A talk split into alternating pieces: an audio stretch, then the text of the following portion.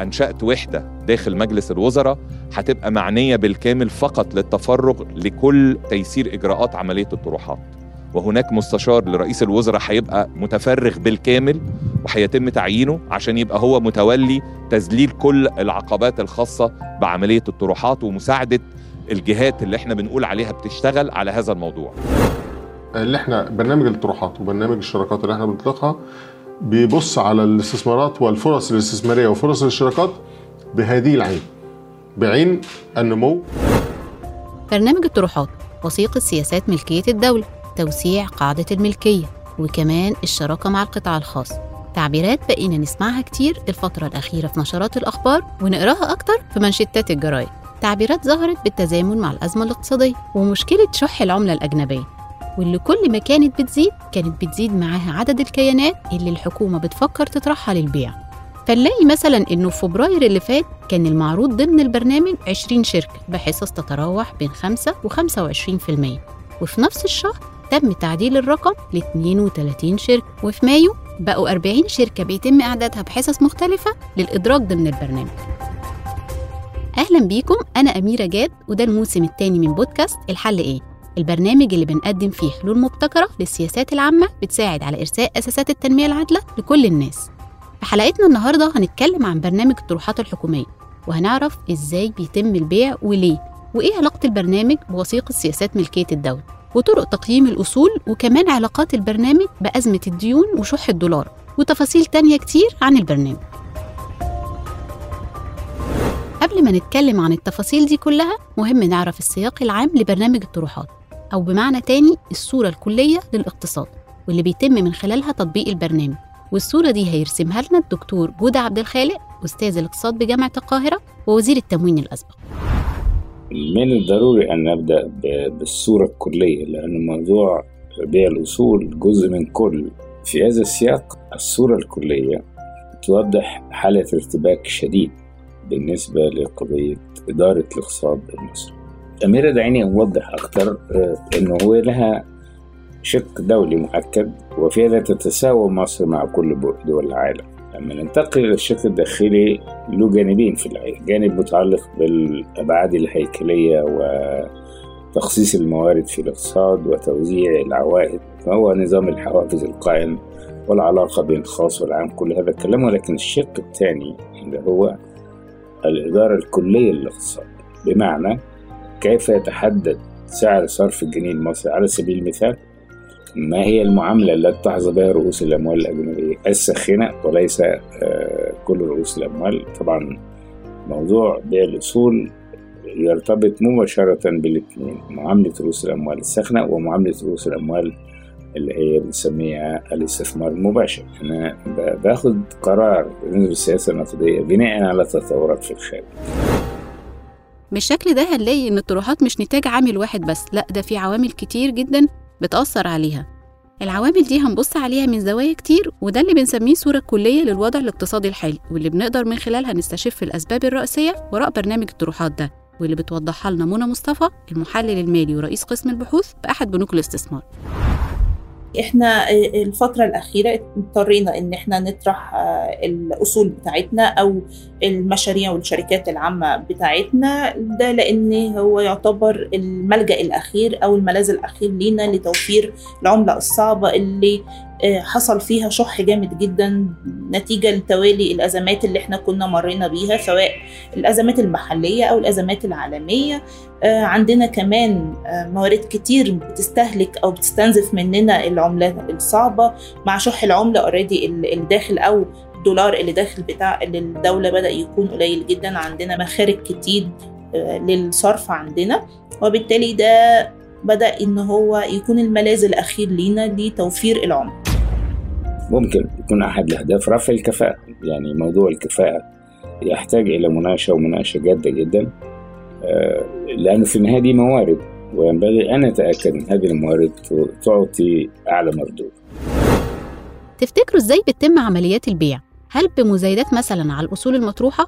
ولا في شكل صفقات ولا إيه؟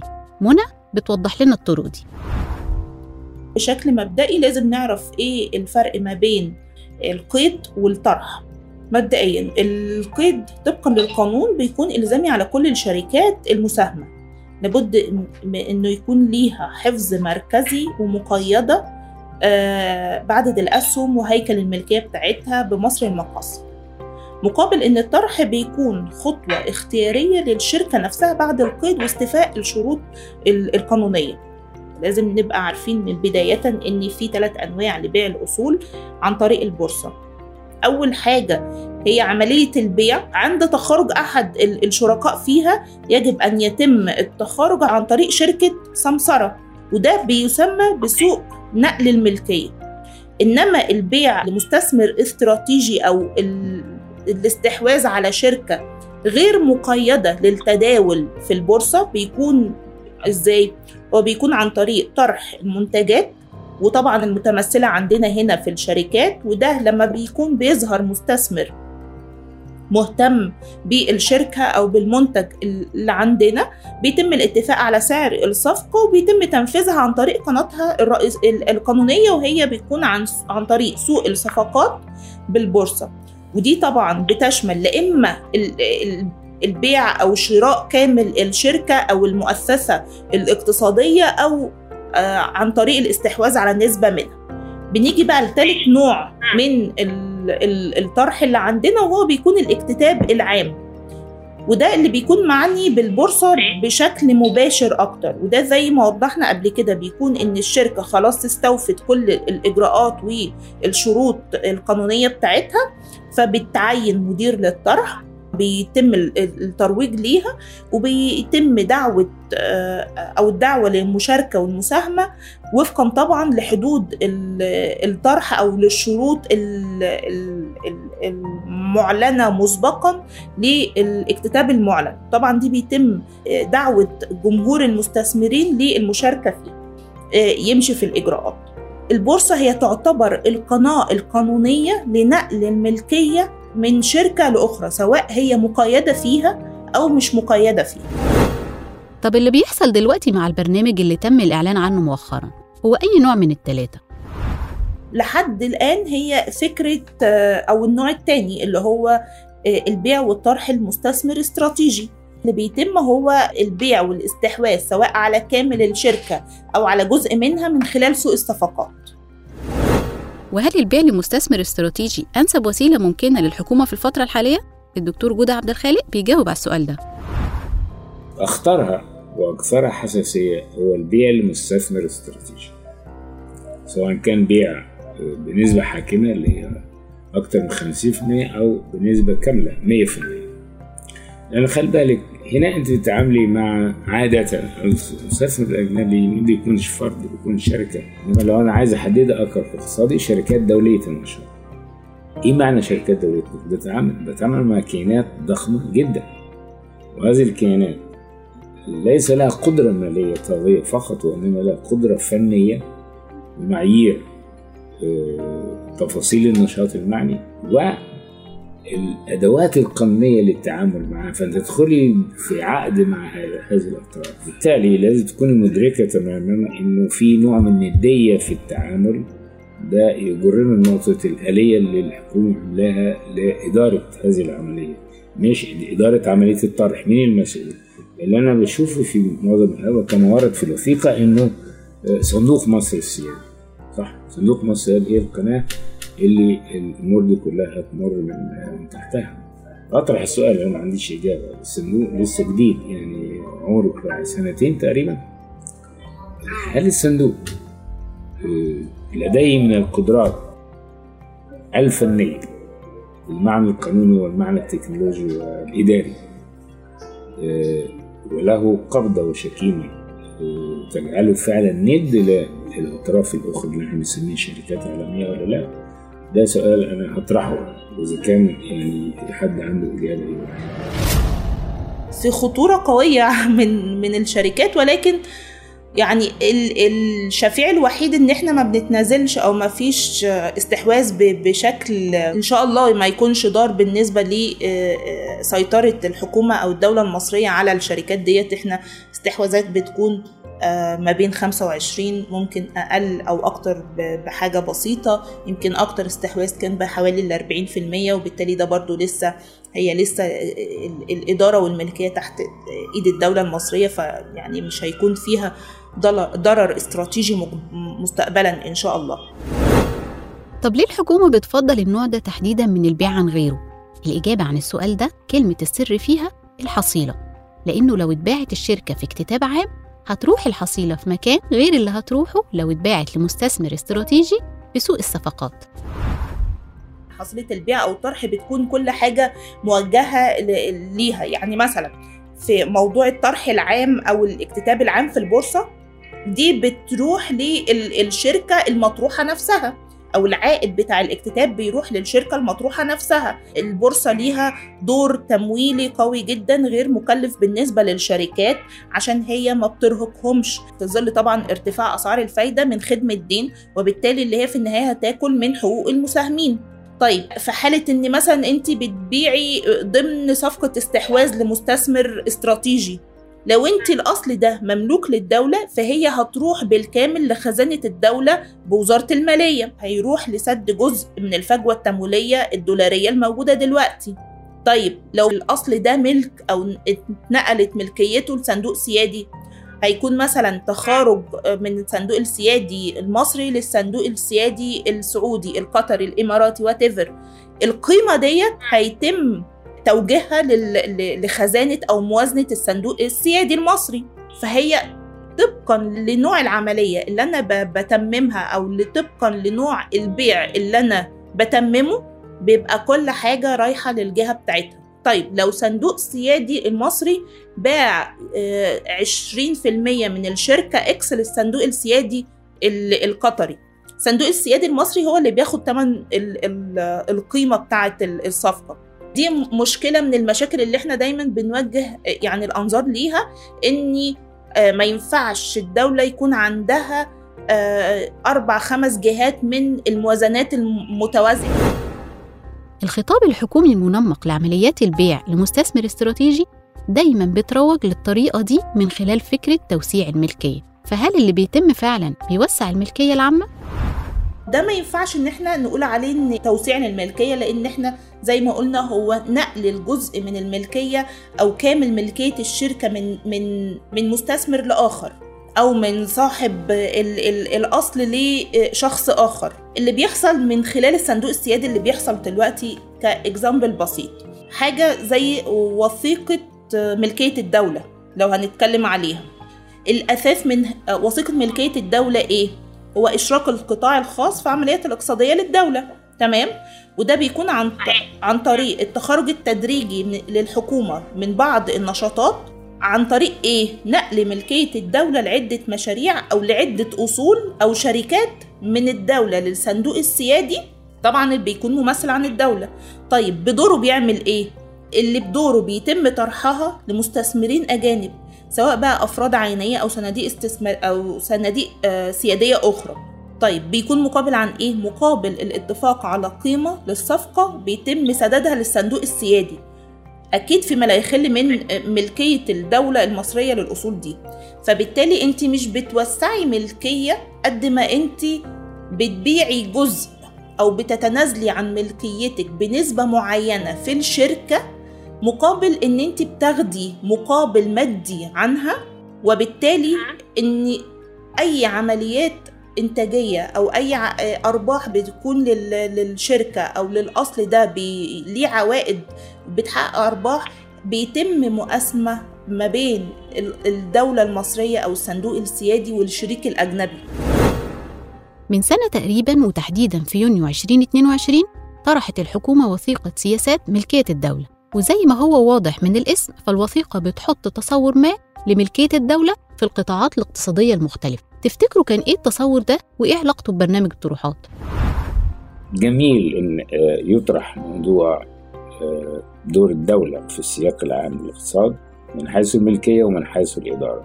هذا هو جوهر الوثيقة التي طرحت آه، مؤخرا باسم وثيقة سياسة ملكية الدولة. والهدف منها مشروع اللي هو آه، استقطاب رؤوس الأموال رؤوس أموال أجنبية ومحلية ورفع مساهمة القطاع الخاص في النشاط الاقتصادي سواء كان آه، النشاط استثمار أو نشاط إنتاج.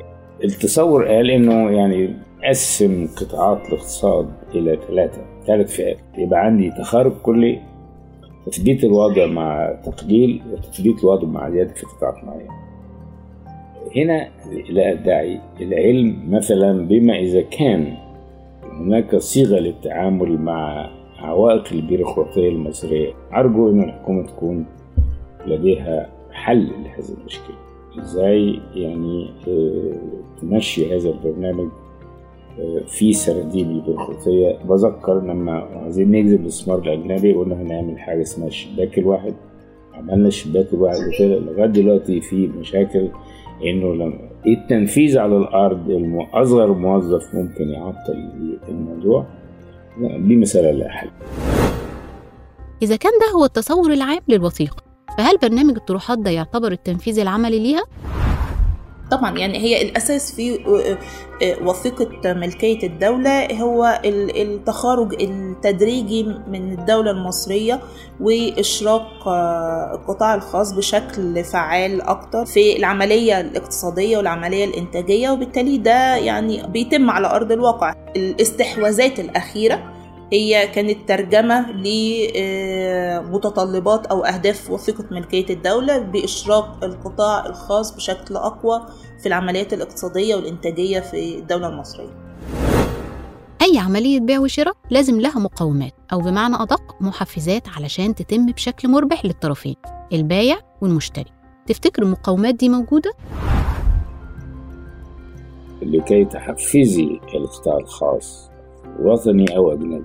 للدخول سواء منفردا أو بشراكة مع القطاع العام في مجالات الإنتاج المختلفة هذا له متطلب أساسي جدا. هذا المتطلب هو وجود درجة مقبولة من الاستقرار الاقتصادي. إيه بقى معايير الاستقرار الاقتصادي؟ مؤشراته نعرفه إزاي؟ ونقول إيه الدرجة المقبولة؟ مؤشراته أمرين على الأقل. الأمر الأول سعر صرف العملة. والأمر الثاني المستوى العام للأسعار وهما مرتبطان بالمناسبة فإذا كان هناك درجة من عدم الاستقرار سواء على بالنسبة لسعر صرف العملة الوطنية أو بالنسبة للمستوى العام للأسعار فهذا سيعني أن هناك علامة استفهام كبيرة جدا على القطاع الخاص. واحدة من معايير نجاح الطروحات هي عملية تقييم الأصول المطروحة. خلونا نشوف إيه اللي بيتم في عملية التقييم وإزاي بتحصل أصلاً. أغلب ال- الشركات الغير مقيدة في السوق هي ما بيتمش التقييم ولكن بي بيكون زي ما بنقول كده block trade يعني إيه؟ يعني الشركة طبقا طبعا لأسعار الصرف والتضخم وقيمة العملة بتاعتك ال- الفايدة وهكذا. بيتم آه، تقييم إن الشركة دي طبقا للأصول اللي هي مثلا بتساوي آه، قد كده X من ال من ال من القيمة. أنا هاخد 10% مقابل Y من القيمة. طبعا للشركات ال- المقيدة هم للأسف بناخد ال VWAP أو بناخد متوسط تداول 3 شهور أو آخر 3 شهور وبنقول إن ديت السعر اللي ممكن يتم الاستحواذ عليه أو إن إحنا بنعمل تقييم لقيمه عادلة. وطبقا بقى يعني للأسف هي بتكون أصلا صفقات بيتم ال- الاتفاق عليها يعني بمستويات الحكومات تمام؟ مش بمستويات مقيمين و... و... وهكذا يعني مش مش ه... مش حاجة هي مش مش حاجة بتروح لبزنس قوي. هو بيكون اتفاق آه على مستوى سياسي أكتر منه هو اتفاق اقتصادي. التذبذب اللي حاصل في سعر الصرف ومعدلات التضخم اللي تجاوزت 40% في مايو اللي فات وكمان الارتفاعات المتتالية لأسعار الفايدة بقيادة الفيدرالي الأمريكي واللي بتقلل فرص تدفق الاستثمار الأجنبي وتفاصيل تانية كتير حاصلة وبتحصل في الاقتصاد المصري والعالمي بتخلينا نسأل إذا كان ده التوقيت المثالي لبيع الأصول العامة أو نسب منها. للأسف يعني في ظل شح البدائل بالنسبة لنا هو أصبح الخيار الأخير في الفترة الأخيرة. إحنا ما بقيناش قدامنا خيار آخر أو آه، إجراء آخر ممكن إن إحنا نتخذه بعد ما إحنا طرقنا كل الأبواب من عمليات قروض من مؤسسات أو جهات دولية أو جهات منحة طبعا من استخدام العلاقات السياسية والأخوية ما بيننا وما بين دول الخليج طبعا التاريخية مع طبعا تراكم بقى جهات الصرف العديدة مع تراكم تأثير الأزمات الداخلية والعالمية. فبالتالي هو بقى أصبح الخيار الأخير بالنسبة لنا. طب هل الخيار الأخير هو الخيار الأمثل في التوقيت ده؟ لا في المجمل لأنه خلي بالك الموضوع في جوهره وبصياغة أخرى يتعلق بإيه؟ العلاقة بين الداخل والخارج. التفرع عن هذه النقطة أنا عايز نحدد بالأساس في تحديد قيمة الجنيه المصري. في مواجهة العملات الأخرى. ليس هو دولار أمريكا وحده وإنما مجموعة من العملات التي تمثل أهمية خاصة في الحالة المصرية. الدولار بالتأكيد آه واحد منهم وربما يأتي في المقدمة. وربما لا. ليه بقول؟ لأنه مثلا بالمعيار الاقتصادي الولايات المتحدة اللي هي دولة الدولار الأمريكي ليست هي أكبر شركائنا الاقتصاديين. لا هي أكبر شريك تجاري في مصر ولا أكبر شريك استثماري لمصر. برنامج الطروحات مش برنامج عام رايح لكل الشركات والقطاعات. لا عمليات البيع بتتم بشكل انتقائي لعدد من القطاعات. إحنا بنتكلم في شركات لإدارة الموانئ شركات لإدارة الفنادق بنتكلم على مصر لتأمينات الحياة ومصر للتأمين. هي اللي فيهم التأمينات بتاعت الموظفين أو الهيكل الوظيفي بتاع الدولة كلها. بنتكلم مثلا على شركة اي فاينانس اللي هي مستخدمة أو شركة الحكومة للمعاملات الإلكترونية وال fintech بتاعة الحكومة والجهات وهي اللي بتعمل أو بت create ال ال النظام نفسه. طب إيه المشاكل اللي ممكن يسببها برنامج الطروحات بشكل مباشر يا ترى؟ يعني انت عندك كيان already شغال و بيدر ليكي عائد دولاري اللي هو already عندك مشكلة فيه فليه إن أنا أضطر عشان آخد bulk معين دلوقتي يحل لي مشكلة يعني on spot أستغنى عن عوائد كتير ممكن إن هي تحسن لي من مدخلاتي أو تحسن لي من التدفق الدولاري عندي السنوات الجاية. وبالتالي خاصة إن إحنا ما بنعملش حاجة بالتوازي تقدر إن هي تجابه النسب الخارجة أو نسب الاستحواذات اللي بيتم خلال الفترة الأخيرة. بل بالعكس كل الفلوس اللي جاية لا إما متجهة أو بيتم توجيهها لسداد خدمة ديون أو أقساط ديون أو إن إحنا بنعمل تنمية تحتية للدولة. وبالتالي فكرة إن أنا بستغنى عن اوريدي كيانات اقتصادية بتدر عليا عائد سواء دولاري أو بتدر عليا من العوائد إن هي تحمي لي من.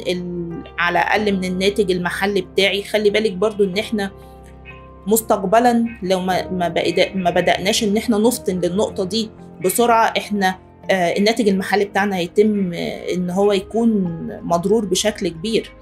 طبعا ده هيبدأ إن هو هيقلل من تصنيفك الائتماني هيقلل من عمليات الاستثمار المباشرة بالنسبة لك هي هيرفع من تكلفة الدين بتاعتك يعني هيحجم عنك ال ال الاستثمارات سواء بقى المباشرة أو غير المباشرة أو إن في مؤسسات دولية تتجه لتسليفك مرة تانية عموما يعني. عملية الطرح دي معناه إيه ببساطة؟ إنك تنقلي الملكية من نوع معين اللي هو العام إلى نوع آخر اللي هو الخاص. فإذا كان المسألة كده وأنا عملت ده كحكومة عشان أفك الزنقة بتاعتي ما أنا بعد كده لما أجي أتزنق مش هلاقي بقى يعني أصول باقية عندي عشان أبيعها مرة تانية. فهذه العملية في الواقع زي مخزون. انت بتنقلي النهارده نقلت في التسعينات وهتنقلي تاني كل ما بتنقلي بتقل فرصك في النقل مستقبلا الناس لازم تعرف إن العملية دي ليها حدودها. فإذا في المحظور بتاع إنه طبعا نقل الارباح ممكن تعمل لك مشكلة على مستوى ميزان المدفوعات وتدفقات النقد الأجنبي واحتياجاته والكلام ده. بسيل الأصول الإنتاجية التي أملكها لكي أستهلك قيمة هذه الأصول. وده معناه إنه وأنت طبعا من الشباب وأنا من العواجيز. العواجيز هنا بيجوروا على حقوق الشباب في المستقبل. لأنه في المستقبل الشباب مش هيلاقوا الأصول الإنتاجية ديت لأنه العائد بتاع البيع أو الطرح استخدم في سدنه وبالتالي أنا بقول إنه الجيل الحالي يعني ده تعبير إنساني بقى بعيد عن الاقتصاد ينبغي أن يكون عينه على مصلحة الأجيال القادمه ومثل هذا السلوك يشكل خطورة على مصلحة الاجيال حيث بقى بالمناسبة عايز أقول أربطها بقى بموضوع أثير عندي جدا لو موضوع العدالة الاجتماعية. العدالة الاجتماعية أحد أبعادها هو مراعاة مصلحة الأجيال القادمة وليس فقط يستأثر الجيل الحالي بكل مقومات المجتمع. إذا كان لجوء الحكومة لبرنامج الطروحات في جزء منه حل مؤقت للأزمة المالية الحالية خلونا ندور على حلول مستدامة مش مؤقتة وحلول تحمينا من أزمات تانية ممكن تكون في الطريق. تعديل السياسات الاقتصادية الكلية في الاتجاهات اللي أشرنا إليها. مراعاة قدر من الحكمة والتدبر في إدارة المال العام وتحديدا على مستوى الموازنة العامة للدولة. ضبط العلاقة بين السياسة النقدية والسياسة المالية لأنه حاليا السياسة المالية تضغط على السياسة النقدية ضغطا شديدا. فهنا يعني الاقتصاديين بيتكلموا على حاجة اسمها هيمنة السياسة المالية. fiscal dominance ده التعبير اصطلاحي.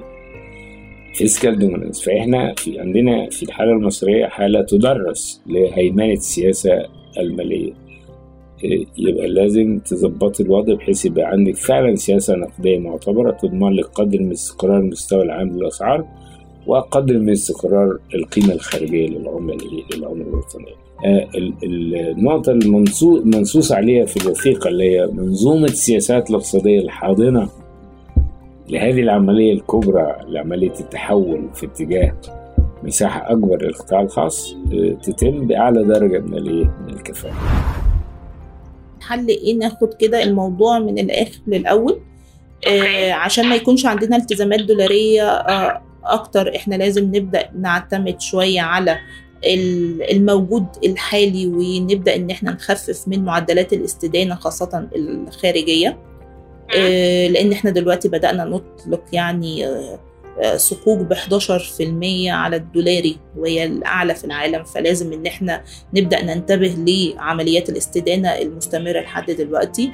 طيب الاستدانة الحصيلة منها نبدأ إن إحنا ندقق بشكل أقوى شوية. هي بتتوجه لفين؟ وبيتم صرفها في, في أنهي قنوات؟ وهل هي قنوات ممكن إن هي تعزز لي من اقتصاد الدولة وتعزز لي من الإنتاجية ومستقبلا تدر علي عوائد ولا لأ؟ سواء عوائد محلية أو لأ لأن ده في النهاية هيعزز من قيمة العملة بتاعتك وبالتالي هيخليكي تتلافي بشكل كبير أثار تراجع العملة أو ضعف العملة أمام الدولار وبالتالي أنت مش هتكوني أو يعني ه يعني هتتلافي بقى كتير من الآثار الجانبية اللي إحنا واقعين فيها دلوقتي. تالت حاجة آه إن إحنا زي ما قلنا نتوجه للإنتاج والصناعة والزراعة أكتر من إن إحنا مركزين في البنية التحتية. آه خاصة لو آه إن هي بنية تحتية ملهاش عوائد آه سريعة أو عوائد مجزية لقيمه الاستثمارات اللي بتتضخ فيها. آه يعني نبدأ بقى نعظم من المدخلات الدولارية بتاعتنا. يعني انت عندك ثلاث مدخلات أو ثلاث جهات للدولار هم طبيعيين كده في مصر. وبطرحنا للحلول؟ نكون وصلنا لنهاية حلقة النهارده.